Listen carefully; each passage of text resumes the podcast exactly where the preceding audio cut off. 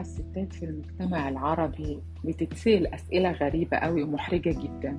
خدت بالي منها يعني مع علاقاتي مع الناس وكده. في ناس تحب تسأل البنت تقول لها وانت ليه ما اتجوزتيش لغاية دلوقتي؟ أيوه السؤال ده المفروض بقى يترد عليه يتقال إيه؟ يعني المفروض البنت تقول لها إيه؟ تقول لها أصل أنا ما حدش اتقدم لي أصل أنا مش حلوة. أصل أنا يعني ما فيش حد معجب بيا.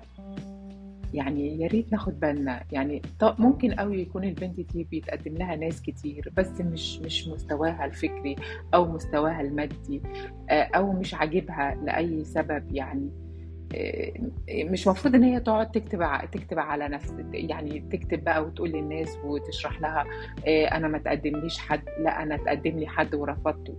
الأسئلة دي بصراحة أنا مش ببقى أفهم أو مش فاهمة إيه معناها أو إيه نقصد بيها إيه. يعني هو نحرج الناس بس أو نحرج البنت بس.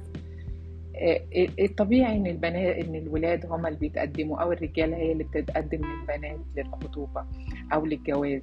مش البنت يعني نسألها سؤال زي كده.